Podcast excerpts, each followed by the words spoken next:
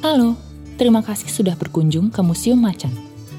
Bagaimana kabar Anda hari ini? Saya harap baik-baik saja. Salam kenal, nama saya Sheila, dan saya akan menemani Anda hari ini menyusuri pameran tunggal Agus Swage, The Theater of Me. Agus Swage lahir di Purworejo tahun 1959 di mana ia sering menghabiskan masa kecilnya berlarian dan menggambar di trotoar depan toko orang tuanya untuk melawan bosan. Soage kemudian melanjutkan pendidikannya di Yogyakarta, lalu kuliah di Institut Teknologi Bandung, sebelum akhirnya bekerja sebagai desainer grafis di Jakarta pada awal era 90-an. Kini, karya-karya Agus Soage dapat dilihat sebagai sebuah refleksi personal terhadap situasi politik dan kehidupan masyarakat.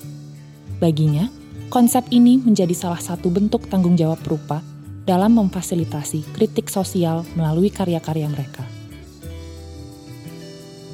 Karya-karya Agus Swage mengambil tema-tema sosial politik, baik secara nasional maupun global, yang bergulir sepanjang periode pertengahan hingga akhir 90-an atau sekitar era reformasi.